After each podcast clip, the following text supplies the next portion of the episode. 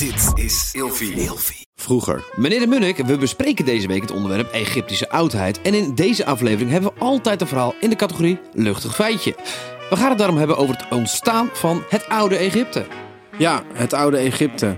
Wel bekend van de farao. Ehm, die farao was er natuurlijk nog niet eh, gelijk. Als het goed is, stammen wij allemaal af uit Afrika. En daar is de mens ooit over de wereld gaan zwerven. En zo is dus ook de mens in Egypte terechtgekomen. Vanuit Noord-Afrika waarschijnlijk. En vanuit Noord-Afrika kwamen dus de, ja, de jagers en verzamelaars in Egypte terecht.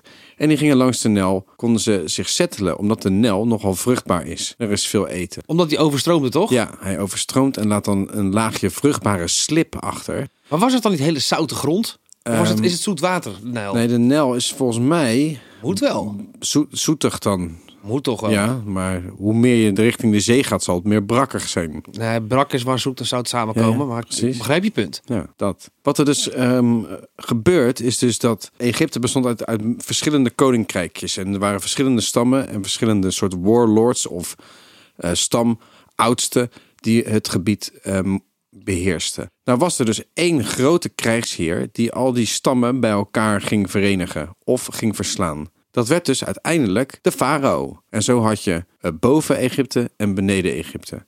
Beneden Egypte was de rivierdelta. En boven Egypte, daar eh, vinden we later ook alle tempels en eh, de cultuur, zeg maar, een beetje. Wat belangrijk was van, voor de farao, is dat wij denken altijd dat het de grote re- religieuze leider was en een hoogste generaal. En dat was hij ook allemaal. Maar in eerste instantie was hij ook de dijkbewaker. Dus er was een heer nodig om de dijken te controleren en iedereen achter zijn broek aan te zitten. Dat ze alle kanaaltjes en dijken goed onderhielden. Want anders overstroomt de boel en dan loopt heel je land onder. En dat is gelukt. En zo ontstond het oude Egypte. En Zeker. dat is eigenlijk het verhaal. Ja, Wat leuk is om te vertellen is ook dat de bijnaam van Egypte is weet ik niet. geschenk van de Nijl.